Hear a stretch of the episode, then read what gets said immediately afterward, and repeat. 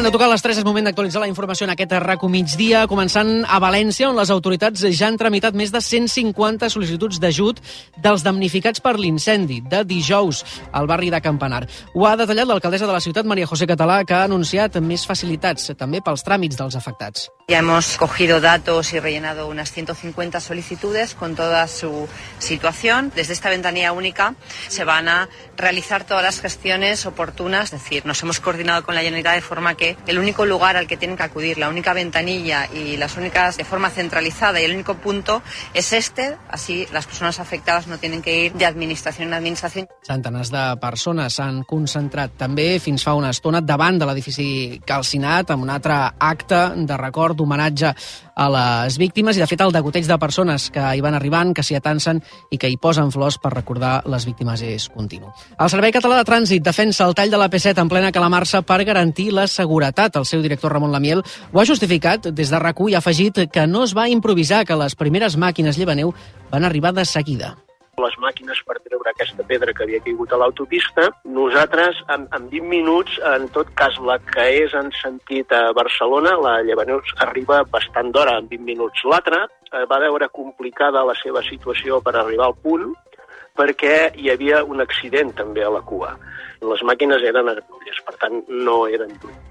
La Miel, però, també ha fet autocrítica. Apunta dues actuacions que cal millorar. La informació i la comunicació de les vies alternatives. Admet que hi ha marge de millora i assegura que estudiaran si cal canviar el protocol perquè la informació de les rutes alternatives arribi als conductors en temps real. I Barcelona s'ha sumat aquest migdia a l'onada de protestes en contra de la guerra al Pròxim Orient. Unes 4.500 persones, segons la Guàrdia Urbana, han omplert una part del Passeig de Gràcia en defensa del poble palestí en una protesta que s'ha fet de forma simultània a molts punts, tant de l'estat espanyol com també en algunes ciutats europees. Els manifestants han reclamat un alto al foc immediat i han acusat Israel d'estar cometent un genocidi a la franja de Gaza. Als esports, el Madrid rep aquest vespre al Sevilla amb el Barça i el Girona esperant una ensopegada dels blancs. A les 9, en directe al Super Esports, partit en què Sergio Ramos tornarà per primera vegada al Santiago Bernabéu. D'aquest Madrid-Sevilla n'estaran pendents els dos equips catalans. El Barça és a 5 punts del Madrid, el Girona a 6. Els gironins que demà tanquen la jornada a Montilivi contra el Rayo um, recuperant algunes peces, per exemple, David López. Ara, primera, tenim el descans, duel de la zona baixa. Està perdent el Cádiz a casa 0-1 contra el Celta. I en bàsquet aquest migdia derrota de l'Uni Girona a la pista del Jairis amb lesió important de Mariana Tolo, que s'afegeix a la lesió de Rebecca Garner de cara al decisiu duel de dijous a la pista del Galatasaray. I acabem amb el temps. Martí Oliveres, sembla que la setmana ens portarà nous ruixats. Sí, els pròxims dies es mantindrà la inestabilitat. A més, tindrem bastant aire fred en alçada, cosa que propiciarà que els ruixats puguin tornar a descarregar amb ganes entre les comarques de Girona i Barcelona. Això passarà sobretot demà a la tarda i al vespre i també a la nit s'ha de reactivar la nevada, sobretot a la cara nord del Pirineu, una nevada que pot anar més al llarg de dimarts. Per tot plegat, ja tenim avisos del Servei Meteorològic de Catalunya. De moment, a curt termini, acabarem el cap de setmana amb més tranquil·litat, fins i tot amb algunes ullades de sol, però encara amb risc d'alguns ruixats al Pirineu Pirineu i el Prepirineu, sobretot a la banda de Lleida, amb una cota de neu, això sí, que ha d'anar pujant per sobre dels 1.000 metres, però amb ambient fred a tot el país. Les 3 i 3, tanquem aquesta hora al racó migdia, que hem fet a les redaccions d'informatius i d'esports amb en Marc Espejo al control tècnic. A partir d'ara continuarem pendents de l'actualitat, els ah. avanços informatius. A les 4 al Superesports i a les 11 el Tu diràs. I nosaltres que tornarem demà al punt de les dues. Ara us deixem amb el viatge bé. Bona tarda. Teniu la maleta a punt, oi? Perquè ara mateix sortim de viatjar. A RAC1, Viatge bé, amb Esther Muñoz.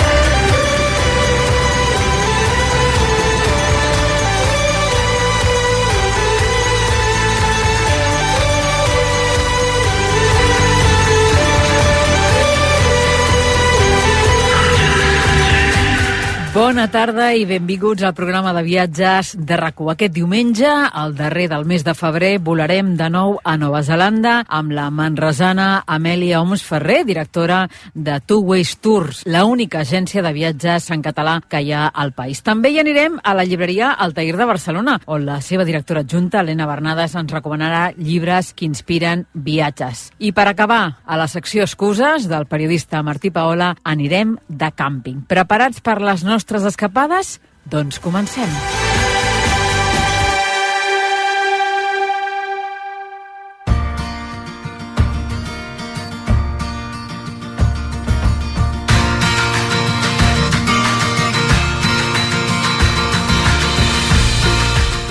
Tornem a Nova Zelanda. Si ens vareu escoltar la setmana passada, recordareu que vàrem viatjar fins a l'altra punta del món amb la nostra amiga Amèlia Ferrer, catalana, manresana. Fa gairebé 25 anys que hi viu allà i fa més d'una vintena que va muntar una agència de viatges, la única en català Two Ways Tour. L'Amèlia ens va fer una ruta natural per Nova Zelanda i avui retomem aquell primer capítol i continuem la nostra excursió per aquest país tan bonic. Amèlia, i ara? Qui ara? Al matí aquí diem morena, que no vol dir morena de cabell, vol dir bon dia. morena.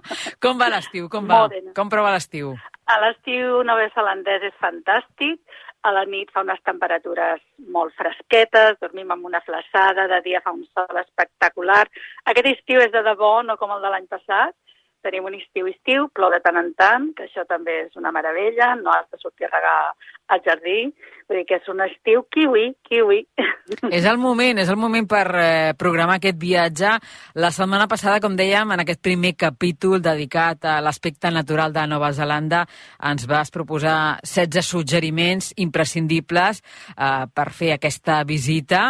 Eh, avui eh, vols centrar-te sobretot en tres aspectes molt lligats al viatge, oi? Sí, perquè penso que la natura, tot i que està present en tot el país, però és molt important el fet de com hi arribes en aquesta natura, no? Perquè si volem respectar-la també hem de pensar en com arribar-hi a aquesta natura, aquesta seria una de les coses que m'agradaria parlar, i l'altra és també saber quina és la natura que tu busques. Aquí te'n trobaràs molta, però n'hi ha una que estic segura que tothom ve buscant, és allò, o, o el viatge pels fiors, o veure els boscos, o els llacs, o les platges. Això és important, i també una altra pregunta que ens es fan molt sovint és en quanta anticipació s'han de reservar fins i tot aquestes activitats naturals a Nova Zelanda, perquè és un país de 5 milions d'habitants i els recursos són limitats i finits. Aleshores, és allò de el primer que s'apunta és el primer que ho aconsegueix, no? I d'això és el que m'agradaria donar als teus oients doncs, aquestes, aquestes idees. Fantàstic. Doncs va, anem a PAMS i comencem per uh, aquesta primera proposta que ens vols fer, que és eh, doncs, el com, no? El com apropar-nos a aquesta natura per gaudir-la al màxim, no? Quin seria, per exemple, el vehicle, el transport que hauríem d'utilitzar? Doncs sí, sembla un detall sense importància, però no ho és. Penso que saber quin vaixell, quina guaca, com diem en maori, eh, quin vehicle vols fer servir per transitar per Nova Zelanda et dona accés a llocs, a coneixements i emocions molt diferents. Tothom sap que no és el mateix traslladar-se pel país amb avió que agafar un tren, que anar en bicicleta, un vaixell o anar a peu. A la peu també en parlarem avui bastant. Però sabem que el que dicta moltes vegades el transport que triem és el temps del que disposem. O sigui, que si, si vols veure moltes coses i tens pocs dies, doncs hauràs de, de fer servir aquests transports que et fan molts quilòmetres ràpids en poc, poc temps, com són els avions, i um, si tens més disponibilitat i vols conduir pel teu aire, doncs, doncs agafaràs un cotxe, però has de tenir molt en compte que les carreteres de Nova Zelanda són diferents i a vegades difícils i a vegades també és molt millor deixar-se portar per qui les coneix. Uh -huh. Quines serien les opcions sí. que tenim? Quines serien les que tu ens proposaries? Sí, doncs mira, el cotxe privat, si bé que et dona una independència de moviments, hi ha llocs de natura meravellosa que només són accessibles per altres mitjans de desplaçament. I, per exemple, amb, amb el cotxe, quan nosaltres fem les rutes i us feu el cotxe aquí i aneu caminant fins aquí, fins allà, té un per què aquesta, aquesta ruta a peu que us diem que feu, perquè el cotxe el deixareu en un lloc que serà segur i el lloc que arribareu us donarà la sensació de que sou els primers que l'heu descobert.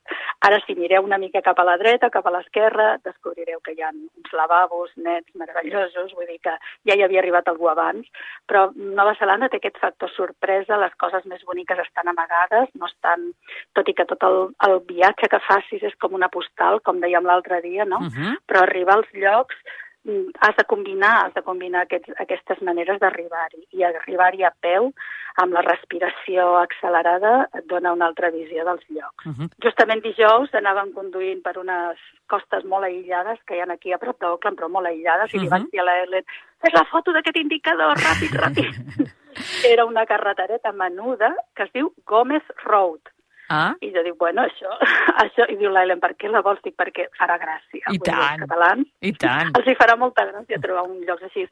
Que sàpigues que aquí a Auckland hi ha un carrer que es diu Manresa, també. Vull Ah. dir, no sé, aquesta sèrie de... Les rutes són, en els meus itineraris són molt entretingudes perquè vull dir, vaig explicant tot això, no? Les hem fet moltes vegades i penso que el copilot o la persona que viatja sola, que es llegeix la nit abans i demà què farem, perquè la gent ho diu, no? Els nostres itineraris no, no, no te'ls llegeixes en cinc minuts, vull dir, cada dia és com un capítol no? del teu viatge i és, és anar-te endinsant en aquesta aventura que només tu vius. I sí, això de, del conduir per Nova Zelanda és, és bastant, bastant interessant, bastant interessant. Però s'ha de combinar sempre en els nostres itineraris. Penso que apropar-se a la natura, al mar, és un component molt important. Agafar vaixells és inevitable a Nova Zelanda si vols accedir a, a llocs únics i preciosos. I després també un altre mitjà que és molt respectuós amb la natura són el ciclisme, la bicicleta, hi ha unes rutes en bicicleta, cada vegada n'hi ha més, perquè la gent de 50, 60 anys, 70 anys que estan en bona forma física, no vol dir que siguin atletes, però que poden pedalejar i que els hi agrada. Doncs, mm, sobretot a la tardor, fem moltes rutes d'aquestes en bicicleta i a més els paisatges són cinèfils, rutes cinèfiles totals perquè els decorats reals de moltes pel·lícules que, que ens han fet creure que passaven, per exemple, als Estats Units, com la pel·lícula de l'any passat que va guanyar tants Oscars, El poder del gos, Sí, doncs estava rodada a Nova Zelanda durant la pandèmia, a més a més. Mhm, és veritat. Vull dir que si poden fer creure que les muntanyes de Nova Zelanda són Montana, imagina. Està, està rodada, crec que a la província d'Otago, oi? Sí, sí, sí, sí. A més, eh, quan vam fer tota l'exploració, perquè fem unes rutes també de cine, no?, que es diuen així, les rutes de cine, i vam anar a, a l'estiu, era l'estiu, i els senyors de, dels allotjaments ens deien, però si és que des de, des de la pel·lícula no ha vingut ningú més. Dic, doncs pues espera't que ara vindran tots els catalans, perquè nosaltres les promocionarem. És una part del país meravellosa, molt corprenent i molt... És, és com et trasllades en una altra època. Ahà. És, és Amèlia, hi ha un recorregut també a peu per tota la natura de Nova Zelanda eh, que, eh, pel que ens has explicat, és màgic. aquest recorregut és, és salvant totes les distàncies, no? però és, és el nostre camino. és, a més a més, és molt bonic, el nom es diu Te Ara Roa. Ara vol dir en maori camí i roa vol dir llarg, com Aotearoa, camí llarg. No? Aquest és un camí que té 3.026 quilòmetres des de la punta del nord de la illa del nord. Sí, és que aquest país és molt gran, Nova Zelanda petit no és, el que passa que tenim uns veïns al costat tan enormes que ens fan veure petits, però no, no ho som, som tan grans com Japó o com Itàlia. Vull dir que som grans. Tu, tu, de, tu, I, de fet, eh, tu, de fet, fas un, un, un trosset, no?, cada dia, d'aquest camí, d'aquest vostre camí de Sant Jaume, no? Sí, sí, sí. Bueno, el que passa és que, clar, com recorre tot el país de dalt a baix, tenim la gran sort de que per aquí a Auckland passa, passa també aquest camí. Justament a davant de casa, a la platja de Takapuna, hi ha un, passejant per la platja i per uns camins que hi ha entre cases, doncs és una part d'aquest... Jo faig 3 quilòmetres als matins, no? Vaig per la platja caminant i si l'he fet un, tres, un mil vegades, doncs vol dir que ja he fet el camí, però no, això és una broma que faig jo. Però sí, està molt bé perquè més hi ha trams difícils, hi ha trams molt fàcils, no el tens per què fer tot d'una tirada, no, no és com el Camino de Santiago, que hi ha posades i tot això, aquí no n'hi ha, dir, hi ha moltes nits que has de dormir al ras, i és, és, això sí que corteix l'esperit. Molta gent aquí el fa per, per treure diners per obres de, de beneficència o per ajudar col·lectius, vull dir, és, és un camí espectacular, espectacular. Mm -hmm. A més, a través de moltes propietats privades i estableixes moltes relacions amb la gent, és, et canvia la vida. Ens deies a l'inici que una de les coses que ens volies comentar és quina natura és la que cadascú busca o cadascú tria depenent una miqueta eh, del que li crida l'atenció, no? Eh, ens has seleccionat com eh, cinc opcions, no? Quines són aquestes opcions? Doncs sí, penso que amb l'experiència dels anys de preparar jo me n'adono de que hi ha gent que ve, a Nova Zelanda, primer de tot hi ha un tipus de persona que ve pels paisatges i els agrada la fotografia i veure's ells amb la fotografia. Doncs aquest és un tipus de persones que es trobaran aquí en el seu ambient perquè els hi faltaran hores no? i hauran de carregar la bateria del mòbil molt sovint. El, per altres persones, la natura és realment un imant que els connecta amb la millor part del seu interior i venen a Nova Zelanda buscant aquesta salut, energies o relaxar-se o recuperar-se. Així que aquest viatge a Nova Zelanda els donem molt més temps lliure per sentir-se part d'aquesta natura. La natura te l'has d'escoltar, no només has de passar de camí, l'has d'escoltar i t'has de parar davant d'ella, no? Si els clients no ens indiquen el contrari, en els nostres viatges de Two-Way sempre mm, busquem l'equilibri entre aquests dos components, que són vacances actives i relax saludable.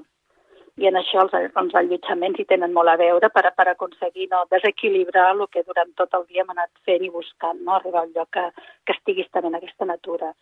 Una tercera mm, tipus de persona que, que ve buscant la natura és també les que venen buscant uns reptes Ara hi ha molt, molt de, de client que venen perquè hi ha una carrera a tal lloc, perquè hi ha la travessia del llac de no sé què, vull dir, tots aquests recorreguts per les muntanyes de 3, 4, 5 dies, als parcs nacionals, doncs són, són importants per a aquestes persones, no? I venen a fer la cursa, però després, ja que estan aquí, evidentment, volen conèixer altres parts del, patí, del país i recuperar-se i connectar amb altres, amb altres tipus de, de paisatge. A més a més, també aquí a l'estiu, que és el vostre hivern, al revés, el vostre estiu és el nostre hivern, també venen molta gent a esquiar. I és aquests esportistes, no? Els esportistes tenen aquí una quantitat d'opcions que no se les acaben. Uh -huh. Després tenim un altre per, tipus de persones que venen, que prenen la natura com una font d'inspiració artística. Hem organitzat també a eh, viatges per sketchers, per fotògrafs, que venen a Nova Zelanda i volen capturar aquests llocs sense massificacions i per lo mateix, perquè la Helen i jo dissenyem aquests viatges i sabem un lloc, un lloc per seure, si plou perquè els plans B, C i D també els hem de preveure. Aquí la, la natura viatja amb nosaltres tota l'estona i no avisa i mm, són viatges molt interessants que descobreixen una llum diferent natural que, que no la troben en altres països, no?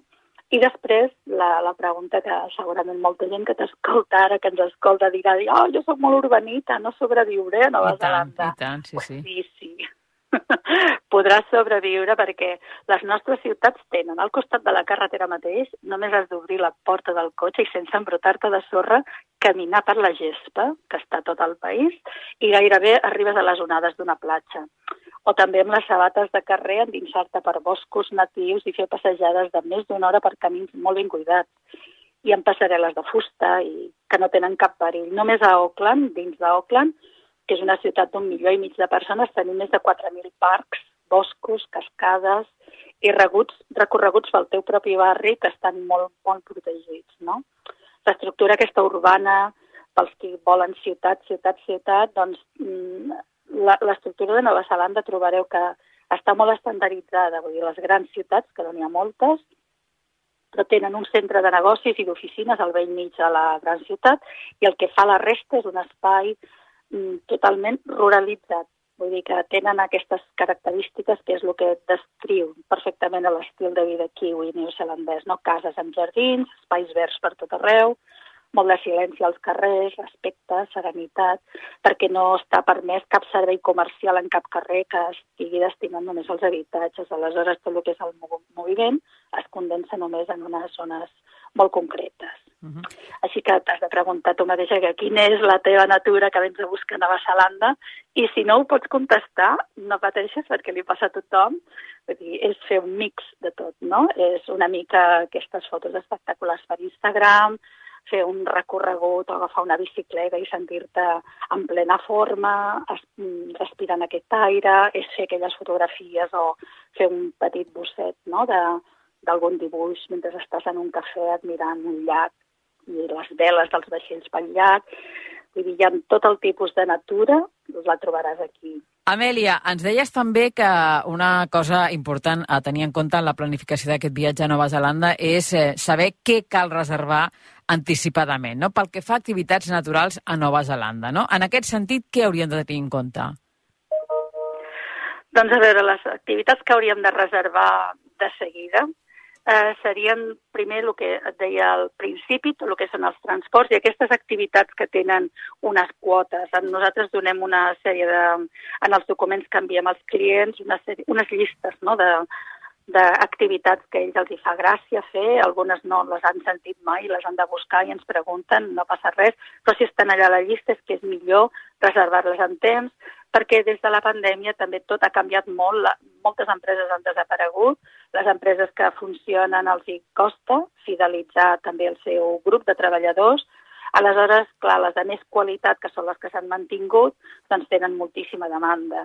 I mm, ja li està passant a molta gent que intenta reservar amb nosaltres, fins i tot per, per l'hivern aquest nostre, que és el vostre estiu, i mm, estem parlant de 4 o 5 mesos d'anticipació i ja hi ha cupos que estan, estan complerts.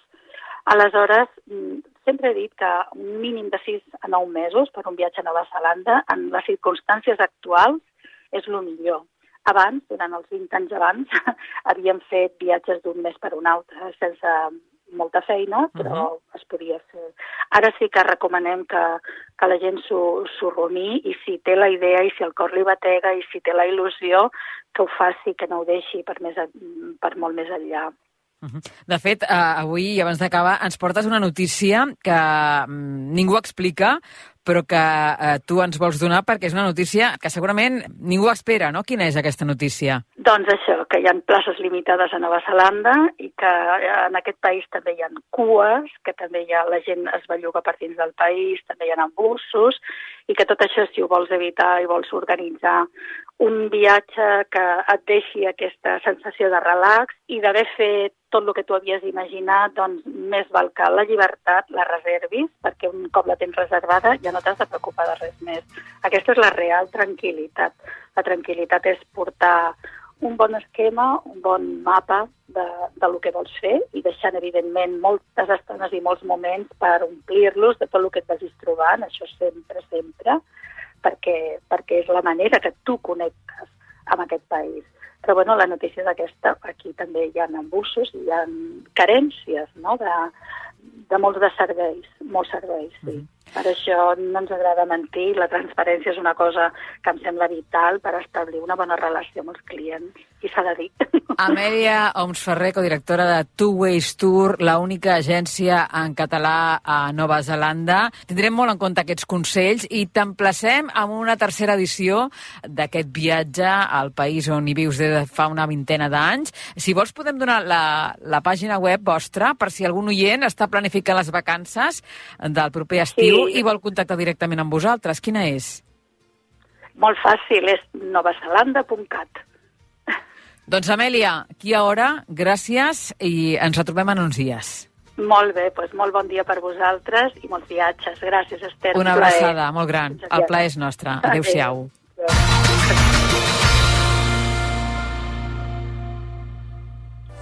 RACU us està oferint Viatge bé amb Esther Muñoz.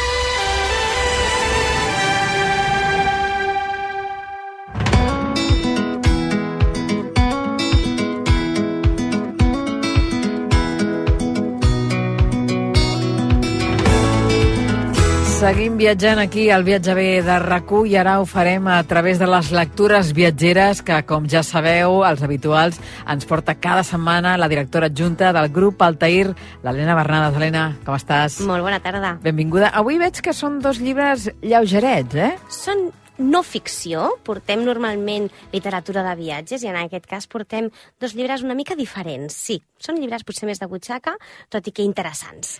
Per quin vols començar? Doncs potser comencem primer pel viatge a Liberland, publicat per l'editorial La Caja Books dels autors Timothée de Meyer i Gregoire Osoja, i ens parlen de Liberland. Liberland és un micropaís que està, de fet, aquí a Europa, entre Sèrbia i Croàcia, uh mhm. -huh. i aquest territori entre el Danubi i la frontera d'aquestes dues nacions, que encara lluiten una mica contra les cicatrius d'aquesta guerra d'un passat gens llunyà, Uh, tot, Liberland es converteix en l'escenari sobre el qual Bitlergica, que és el seu president, de fet, i els seus companys, han imaginat allà una utopia anarcocapitalista i han creat un micropaís entre aquests dos països europeus. Els dos autors, de fet, hi van anar per descobrir una mica què hi passava allà dins. Estic veient, perdona, uh, Helena, que, que ells, un és escriptor i documentalista, en Timothy, i en Gregory és periodista. Per tant... Sí, de fet, va ser una mica per crear un documental que s'hi van interessar per veure què estava passant, perquè hi ha moltes micronacions. De fet, en trobem una que està en una embarcació davant d'Anglaterra, que també hi ha un home que va agafar una antiga base petrolífera i va fer allà la seva pròpia nació. També tenim Transnistria, després de, a l'Europa de l'Est, que també és una micronació petitona. Uh -huh. I aquesta és una que ha nascut fa bastant poc temps, llavors és la novetat, i ells dos s'hi van interessar per veure una mica què estava molt bé, passant. Molt bé. Se n'han fet llibres de les altres que ens comentaves ara també? Et consta o què? Crec que no se n'ha fet llibre de cada una singularment, sinó que sí que hi ha un llibre que es titula Micronaciones, que no em facis dir de quina editorial està publicada, però te'l buscaré, que és molt interessant, perquè ens fa un recull de tots aquests micropaïsos o micronacions que hi ha gent que ha decidit declarar, i n'hi ha molts més dels que ens pensem. Podríem parlar de la més coneguda, que seria la Cristiània de Copenhagen, uh -huh. que és aquest, una mica aquest barri hippie que va néixer una mica als anys 70, però n'hi ha molts més i aquest és un exemple. Doncs està molt bé. Estic veient, uh, Helena, que uh, Liberland viu sota un lema que és viu i deixa viure. Viu i deixa viure i s'ho apliquen de la forma més explícita i més literal. De fet, Com? Com? semblen dos personatges, els, bueno, el president i els seus companys són personatges extravagants que sembla que hagin sortit d'una pel·lícula d'humor una mica fàcil o, o, o d'un circ i intenten que sigui el nou paradís fiscal europeu que visqui a base del bitcoin Ah. i a base de mm, tra, una mica eh, tràfic de coses més o menys lícites i diguéssim que és una mica entre un can pixa rígid i un circ sèrio. Llavors, ells ho fan molt bé perquè al final ells el que intenten és fer un viatge uh, documentalista i crònic, crònica periodística, Sí. tot i que al final sembla que tot el que t'expliquin no sigui real. És un llibre bastant interessant per veure que realment a vegades la, la, la realitat supera la ficció en Perquè molts sí que casos. ho és, sí que és real, És eh? real, és vigent, segueixen visquent allà. I, de fet, és que hi ha uns quants seguidors de, del president, que és el Bitli Jeklika, que jo la veritat és que aquests noms no els acabo de pronunciar Eh, molt són bé. complicats, eh? Són difícils de pronunciar, Però sí, eh? sí, de fet, ells estan colze a colze amb bastants think tanks d'ultradreta eh, intentant acollir-se a exhibicions i a concursos mm, de Miss Europa, de diferents eh, fires, volen formular diferents protocols per tenir tractats una mica de convenis binacionals.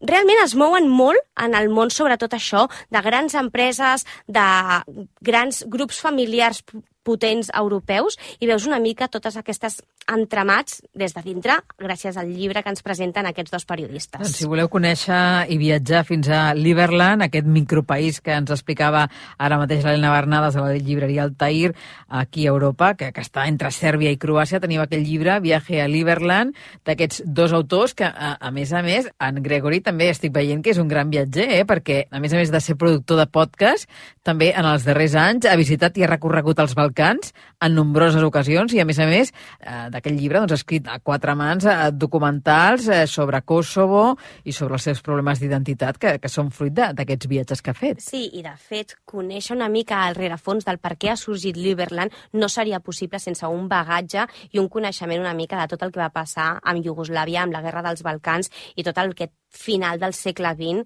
que encara segueix una mica latent. I gràcies a això també pots entendre moltíssimes causes-conseqüències del que està passant en aquesta terra de ningú que es diu Liberland. Fantàstic, doncs va, anem amb la segona proposta d'avui de no ficció que ens has portat, Helena. La segona no té res a veure perquè, tot i que sigui no ficció, és un escrit que provoca eh, més nostàlgia i més romanticisme que el que hem llegit abans.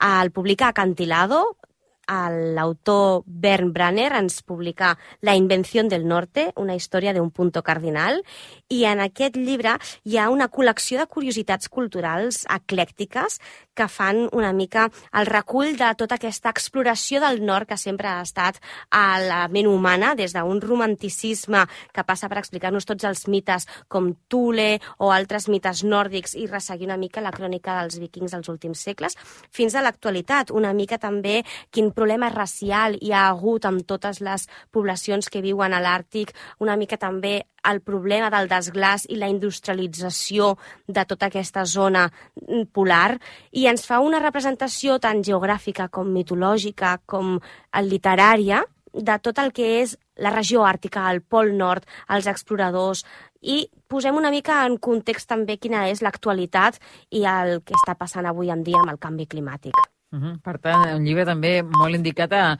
a les persones que estan fascinades això per la història del nord. Sí, perquè a més moltes vegades parlem de la conquesta de l'Antàrtida amb Shackleton, Amundsen, però hi ha hagut moltes conquestes i hi ha hagut també molta baralla per conquistar l'Àrtic, que ara mateix també és motiu de moltes guerres i és motiu també de moltes baralles polítiques i geopolítiques estratègicament al nord. Sempre ha estat no només el punt cardinal, sinó també el punt geoestratègic més important i en aquest llibre queda palesa moltíssima trajectòria en aquest aspecte.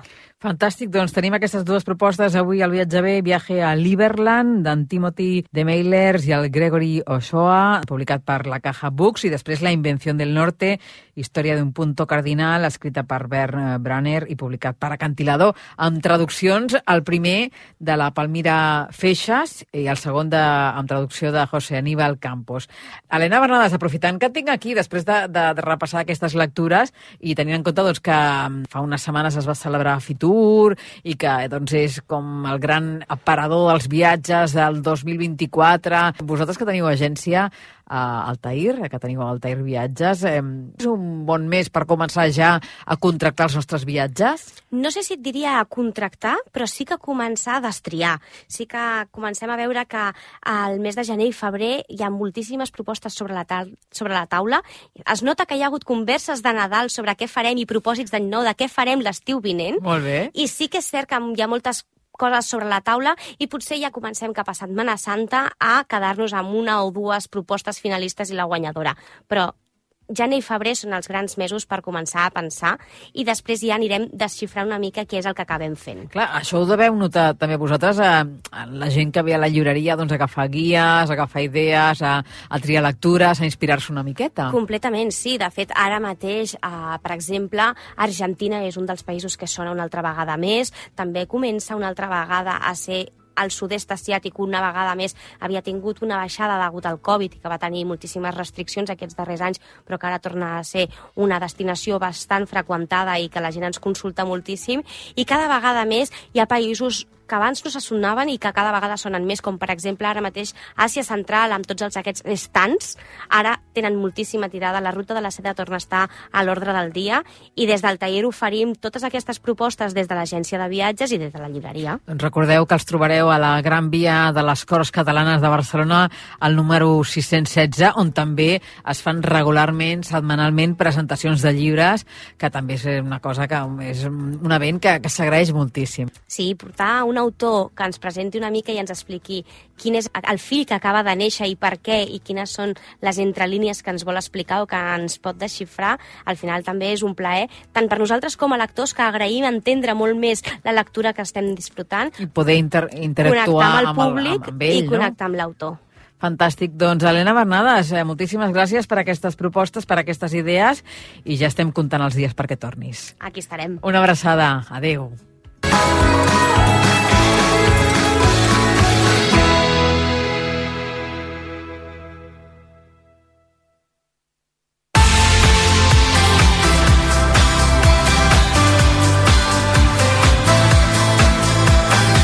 arriba un d'aquells moments al viatge bé que ens agrada molt, que és el moment de resoldre el nostre concurs, de saber qui és l'oient que s'emportarà un menú de garoines per a dues persones a un dels restaurants que participen a la garoinada de Palafrugell fins al proper 24 de març. Dissabte de la setmana passada us vàrem demanar que ens enviéssiu un missatge etiquetant la persona amb qui hi aniríeu a menjar garoines si us tocava el premi. Hem rebut centenars i centenars de missatges a través de totes les xarxes del programa, d'Instagram, de Facebook i de Twitter. I ara és el moment, Dani, de saber qui és l'afortunat o afortunada. Doncs ja el tenim aquí. És DVD, guió baix, Bosch, i ens deia que eh, si li toqués el premi, que li ha tocat, aniria amb eh, l'usuari Taís Pla. Doncs, eh, enhorabona als dos. Eh, us n'aneu cap a Palafrugell a gaudir d'aquesta garoïnada en parella i els oients que no heu estat de sort, si voleu descobrir més d'aquesta campanya gastronòmica que val molt la pena, visiteu el portal garoïnada.cat on hi teniu tots els detalls.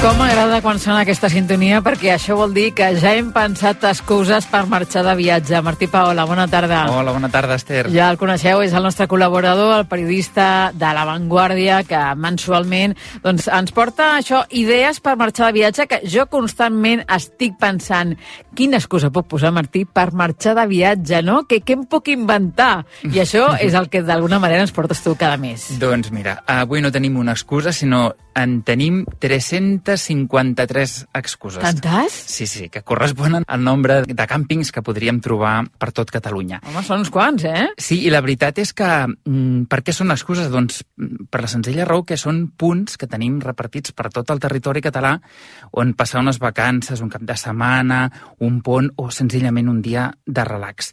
Són més de 350 punts, com dèiem, que corresponen doncs, a aquest número de càmpings que hi ha per tot Catalunya, que són equipaments eh, ideals per gaudir del temps lliure, de l'oci, per estar enmig de la natura, a la platja o dels paratges més singulars. Mm -hmm. Sens dubte, aquest número vol dir que hi ha tot un públic que s'hi allotja en aquests càmpings, no? perquè a més a més, pel que hem comprovat, és un tipus de turisme que clarament va a l'alça, hi ha demanda. Sí, en qualsevol de les seves modalitats, eh? ja sigui en parcel·la, en bungalop, en caravana, els càmpings són un destí que cada vegada engresca més públic, i no només això, sinó que més fidelitza a qui ho prova.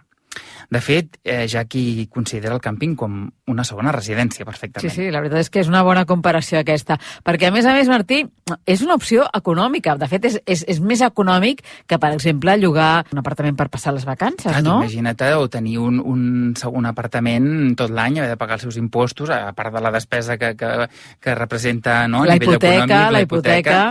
Llavors, eh, aquest seria un dels motius que, que, que incentiven fer dels càmpings un lloc habitual per moltes famílies, ja que són instal·lacions que, que permeten la bona convivència entre adults i infants perquè sempre estan doncs, controlats en un mateix entorn. A l'aire lliure, a més a més, eh? Exacte, al carrer. Clar. El fet de tenir unes dependències controlades i tancades, com dèiem, fa que moltes unitats familiars doncs, escollin aquests destins per eh, revalidar les seves vacances. Sabem que els campistes, eh, de totes maneres, són molt de provar i anar canviant de càmpings, però també hi ha el client fidel, que té aquella màxima, no? allò que pensa de que si una cosa funciona, per què canviar-la? Clar, hi ha les dues opcions, no? Eh, d'una banda, doncs, el fet de, de no tenir, com tu deies, no? un habitatge amb el qual estiguis lligat d'alguna manera et permet doncs, aquesta llibertat d'anar provant diferents càmpings, no? I de l'altra és que, clar, si t'agrada un és com quan els nens van al poble, no? Que volen anar sempre al poble perquè allà tenen la colla d'amics, ja s'ho coneixen tot, i clar, eh, clar, clar hi, ha, hi ha les dues vessants, no? Aquest habitat d'amics, de, de gent coneguda, també és donen aquests càmpings. És a dir, al final eh, els campistes acaben tinguent eh, com segones famílies o famílies de vacances o, o aquest entorn que tu deies, no? social de, de poble, també. Eh, fins i tot a, a, a mi m'havien arribat a comentar que els mateixos treballadors dels càmpings esdevenen part d'aquestes vacances. No? De la família, també. Exacte. Sí, perquè al final és el que comentam, no? Les persones que tenen poble, que tenen orígens familiars en una població concreta i tenen allà doncs, un habitatge i poden anar, però eh, hi ha molta gent que no en té. I al final aquests càmpings s'acaben convertint en això, en el poble, en el seu poble. Exacte, sí, sí. I et diré que hi ha molta gent que no és que repeteixi un any o dos, eh, ni tres ni cinc, sinó que estem parlant d'una bona colla d'anys que decideixen doncs, anar al mateix càmping a repetir l'experiència viscuda en altres moments. No? Mira, quan vaig abordar aquest tema per fer un reportatge per La Vanguardia, vaig contactar amb la Noemí, una Sí. mare de família de Tallà, Mhm. que porta 10 anys anant al mateix càmping. Mhm. També vaig parlar amb en Julián, que encara el mèrit és doble, i mai Per més ben dit, perquè eh, és, en Julián i la seva família doncs, són de Barcelona ciutat i porten més de 20 anys, ojo, eh, 20 anys anant al mateix càmping. La Ahà. Noemí al Bassagó de Parc del Banyà i en Julián i família a l'Eurocàmping de Sant Antoni de Calonja.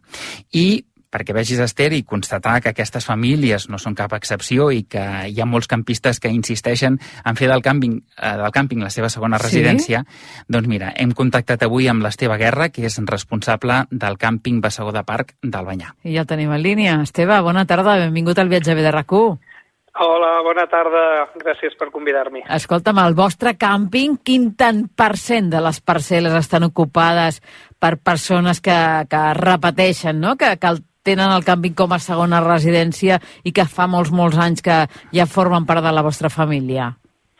Bé, nosaltres tenim més d'un 90% de, de, de client repetidor. Eh? Al final, eh, el que passa és que dins un càmping, com bé explicàveu, eh, és molt més que una experiència d'allotjament, no? Al final, eh, si recordem doncs, experiències de quan érem petits tots nosaltres, doncs segur que us venen a la memòria records lligats a les emocions, no tan lligats a la raó, no? De records racionals en tenim pocs. El que tenim són records que ens han emocionat, no? I d'alguna manera el que es aconsegueix doncs, és eh, eh, l'experiència de càmping, el ser molt social, doncs eh, permet aquesta interacció entre persones, conèixer doncs, eh, noves experiències, però sempre en companyia. També conèixer millor la pròpia família, perquè moltes vegades doncs, ens falta temps en el nostre dia a dia doncs, per, eh, per passar temps amb els nostres fills o perquè els fills puguin jugar entre ells, encara que sigui. No? Són, són coses que haurien de ser trivials i a vegades, doncs, eh, degut a l'estrès del dia a dia, doncs no ho són. No? Ens oblidem, ens oblidem que... de cuidar-les. Correcte.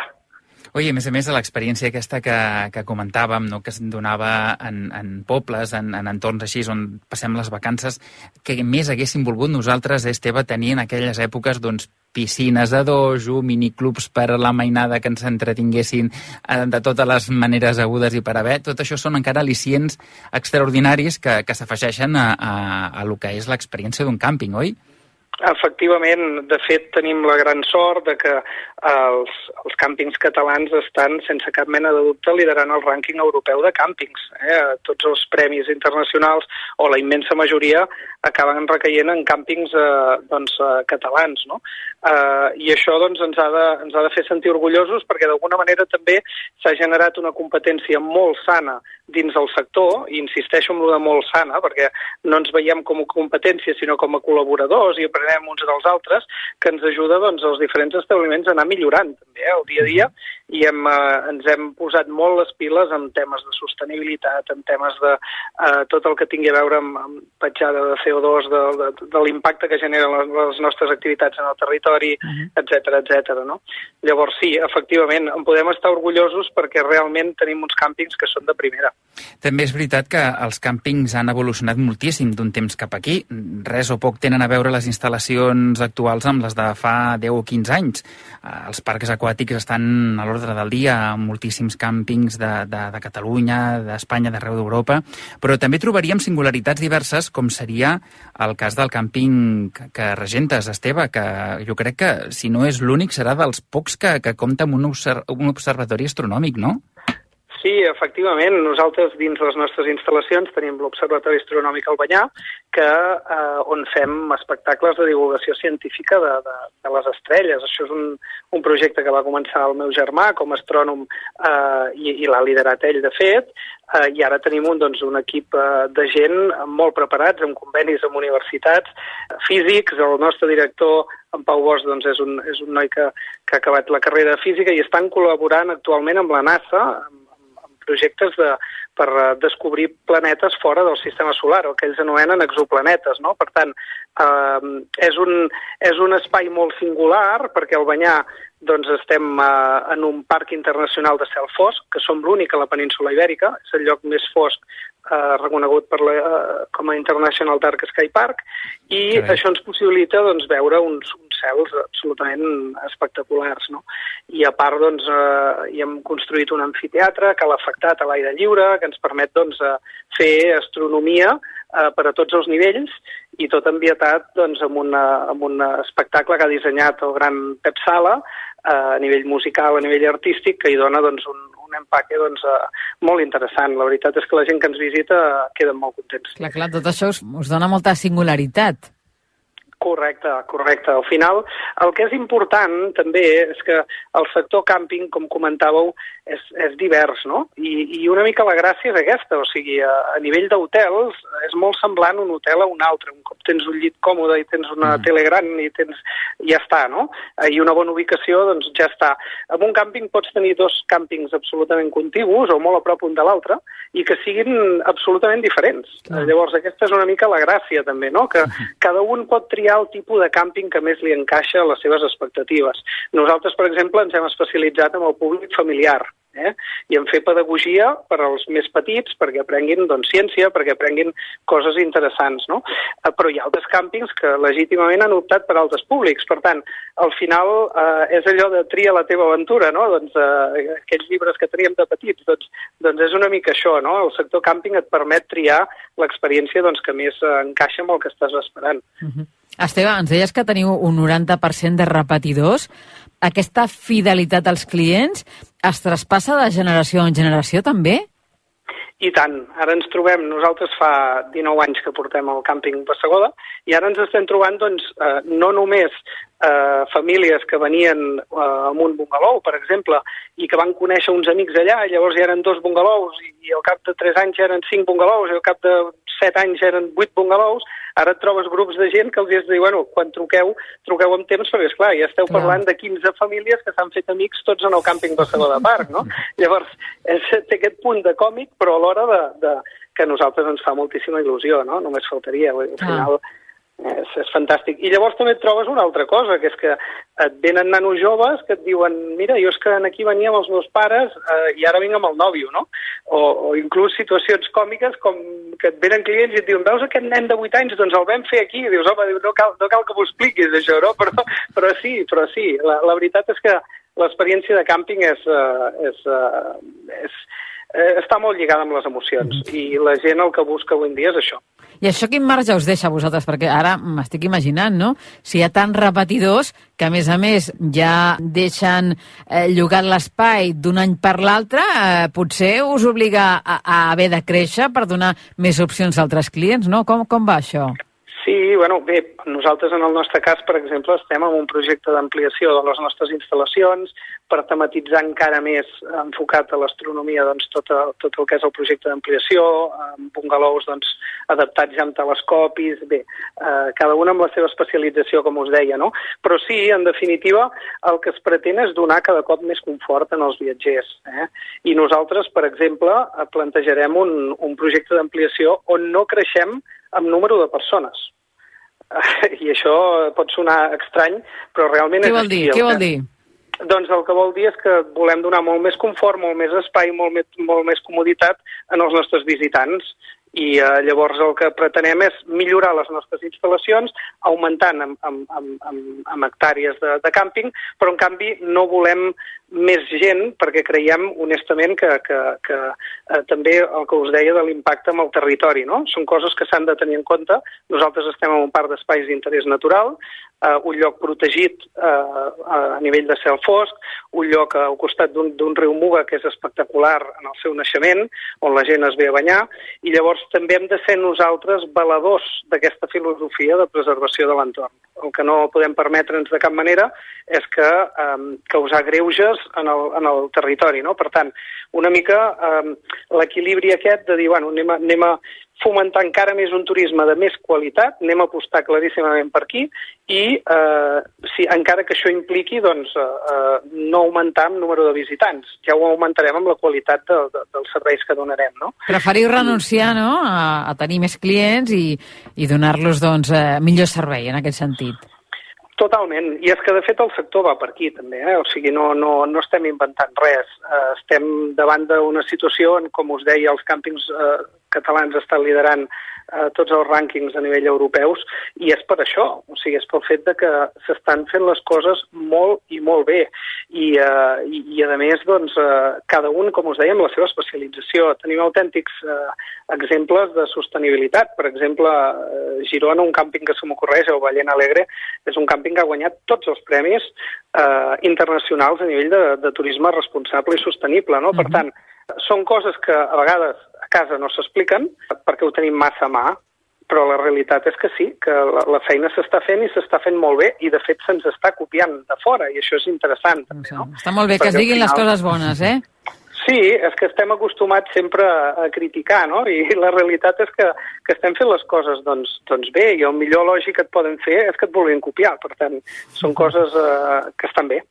I una cosa que també crida molt l'atenció quan t'endinses en un càmping, Esther, és el caliu, el clima que respira entre les persones, entre els usuaris. És a dir...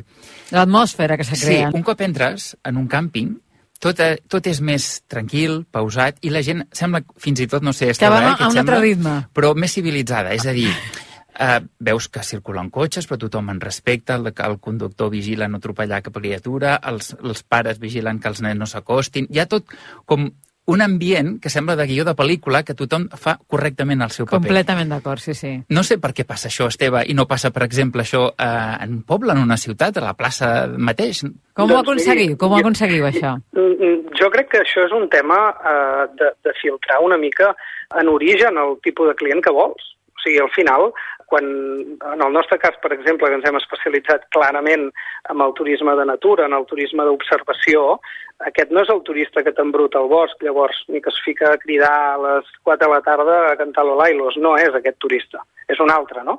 Per tant, eh, una de les grans sorts que tenim avui en dia és que podem fer publicitat molt orientada, tant les xarxes socials com el mateix Google i altres buscadors doncs et permeten filtrar una mica el públic que tu vols captar, no? Per tant, si tu tens un establiment que ho bases tot doncs, en, en la festa, doncs serà una altra cosa. Si tens un establiment on estàs venent una sèrie d'atractius, com per exemple, doncs, com us comentava, que la mainada, doncs, nosaltres fem caps de setmana, per exemple, temàtics de supervivència, no? i ensenyem als nanos a fer un refugi en el bosc, o a fer foc amb les mans, i, eh, i no, no sabeu lo meravellós que és. Eh, nens que acaben l'activitat i diuen, mira, això, he, he sabut fer foc amb un pal i ho he fet amb el meu pare, eh? i el pare encara al·lucinant més, no? Perquè, clar, el pare es troba que tota la setmana està treballant per poder pagar aquell cap de setmana, llavors almenys treure aquest rèdit, aquesta experiència, aquesta emoció que us comentava, això són coses que són records que queden gravats de per vida, no? Ja. I, eh, I això, que nosaltres puguem ser partíceps d'això, doncs ens, eh, ens fa sentir també molt orgullosos. Clar, i que hi ha d'haver estones per tot, i que està molt bé que marxin també les criatures i les famílies amb aprenentatges. Correcte, al final, al final la, la mainada són el futur, no? i nosaltres estem en un indret tan privilegiat a nivell de natura que eh, sentim la necessitat imperiosa d'inculcar una sèrie de valors que són els que han conduït també la nostra activitat, no? I, i d'alguna manera eh, l'èxit que estem tinguent com a establiment es deu també a una mica aquesta filosofia, que no, no, no tot s'hi val, no? O sigui, el tipus de client eh, que, que ve doncs, a fer juerga i a liar-la no? entre nosaltres, doncs, doncs aquest client ja no es sent atret per un establiment com el nostre, no? perquè és una altra cosa. Nosaltres en tot el càmping, per exemple, està ple de cartells que diu el silenci és un bé escàs, escolta'l. Val? Doncs són, són coses que moltes vegades ens costa molt escoltar. Ens costa moltíssim en el dia a dia escoltar, no? I, i escoltar el silenci és algo meravellós. De les opcions d'allotjaments que, que teniu, quina és la que més demanda té ara mateix, no? Perquè eh, va haver-hi una època en què hi havia les tendes, després les roulots, i ara sembla que els bungalows són els que més demanda tenen, no sé si m'equivoco. Eh, bé, la, la veritat és que hi ha públic per tot. O sigui, hi ha... Penseu que són diferents tipologies també de client, eh? El, el client de tenda de campanya normalment sol ser la gent que busca l'experiència de natura més en estat pur. Val? Eh, nosaltres tenim una zona de bosc sense parcel·lar, on la gent acampa literalment enmig del bosc i volen doncs, aquesta, aquesta essència de, de, de, de, de bosc, no? la seva, la seva experiència de càmping, no? eh, que segurament són gent que, que recorden temps pretèrits on podien acampar enmig del bosc i no passava res, i busquen repetir aquestes experiències. No? El client de caravana és una altra tipologia de client, perquè de client de caravana n'hi ha de, de, de tot l'any, que busquen càmpings de tot l'any, que nosaltres eh, això no ho fem, eh, o hi ha clients que el que busquen és anar rodant amb la seva caravana i anar de càmping en càmping descobrint llocs, però per, per preservant la seva intimitat, el seu espai vital, que és el de caravana. Per tant, és un tipus de client diferent. I el de bungalow, doncs, és un tipus de client una mica, jo, jo sempre dic que és un client una mica reciclat dels hotels, perquè al final tots els que tenim mainada en els que m'incloc, doncs, eh, esclar, anar d'hotel està molt bé, però quan tu tens eh, dos pipiolos de 4 i 8 anys, per exemple, a veure qui és el guapo que els tenca entre quatre parets, no? A veure qui s'atreveix. Clar, llavors eh, busquen una experiència de molt més confort i alhora la, la tranquil·litat de dir, bueno, és que estem en un espai on hi ha una certa eh, protecció per la mainada, perquè hi ha una sèrie d'activitats, hi ha monitors, hi ha eh, activitats guiades, etc. I els pares doncs, també poden descansar una mica, no? És a dir, bueno, de tant en tant doncs, no està malament que, que els nens se'n vagin al miniclub un parell d'hores doncs, a, a fer activitats, no? I si a més a més aprenen coses, doncs fantàstic. Molt millor. Com veus, Esther, podríem estar parlant de càmpings molta estona i de tot el que s'hi cou en ells, però bé, eh, tenim el temps que tenim, oi? Sí, escolta'm, Esteve, ha estat un plaer eh, parlar amb tu. Ens quedem amb aquest missatge tan positiu i amb aquest titular que ens has donat que, que tenim els millors càmpings en aquests moments a Catalunya d'Europa. De, i que en el seu cas el 90%, eh? Ojo, el 90% De repetidor, sí, repeteix. sí, sí, sí. Increïble. Esteve, que continuï aquesta ratxa i, escolta'm, fins molt aviat. Moltes gràcies, fins aviat. Una Gràcies, abraçada, adéu-siau.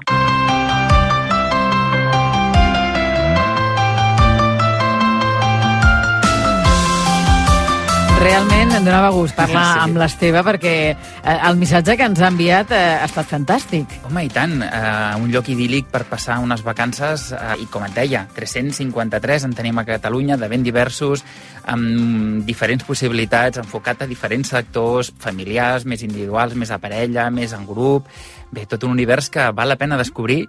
Jo personalment, fins fa dos o tres anys, no, no sabia pràcticament què s'hi feia en un càmping, Uh -huh. i la veritat és que l'experiència és molt positiva quan comences a provar aquest, un altre.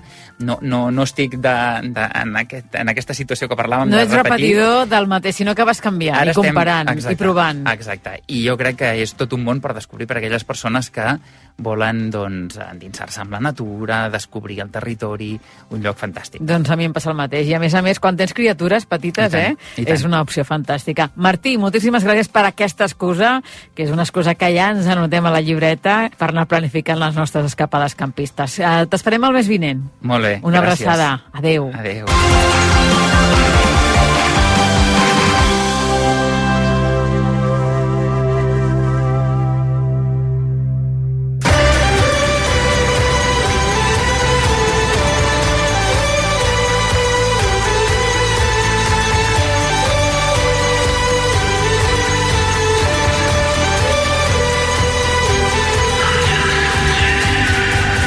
Fins aquí l'últim viatge bé del febrer. Salutacions meves del Víctor Valero i del Daniel Puntiprats a la realització tècnica.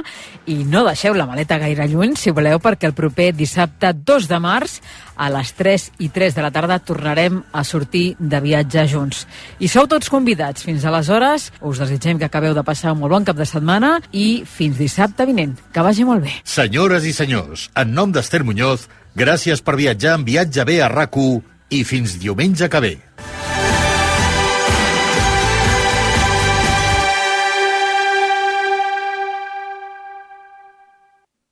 RAC 1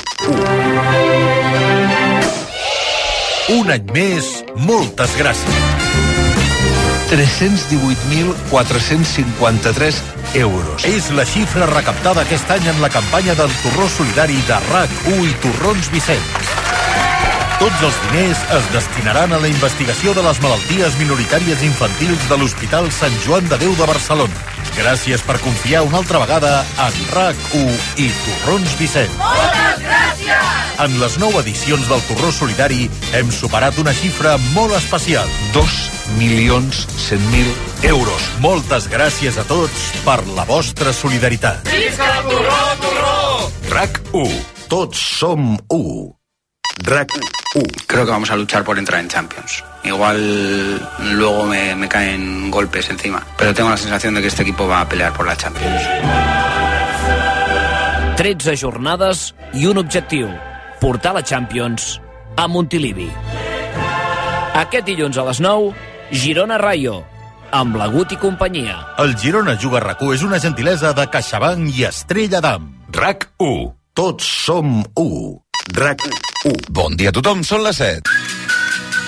M'encanta que torturis a Xavier Bundó. No tens, no tens la capacitat de, tortura, de torturar. De torturar, nana. No vols que et torturarem? En Xavier Bundó. No em torturris.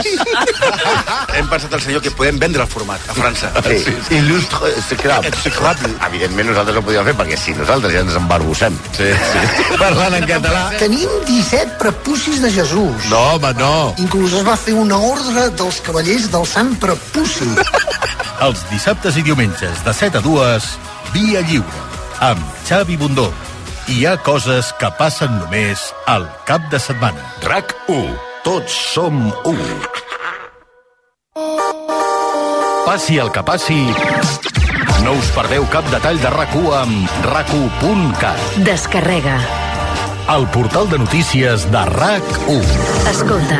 Tot l'univers RAC1 al detall. RAC1.cat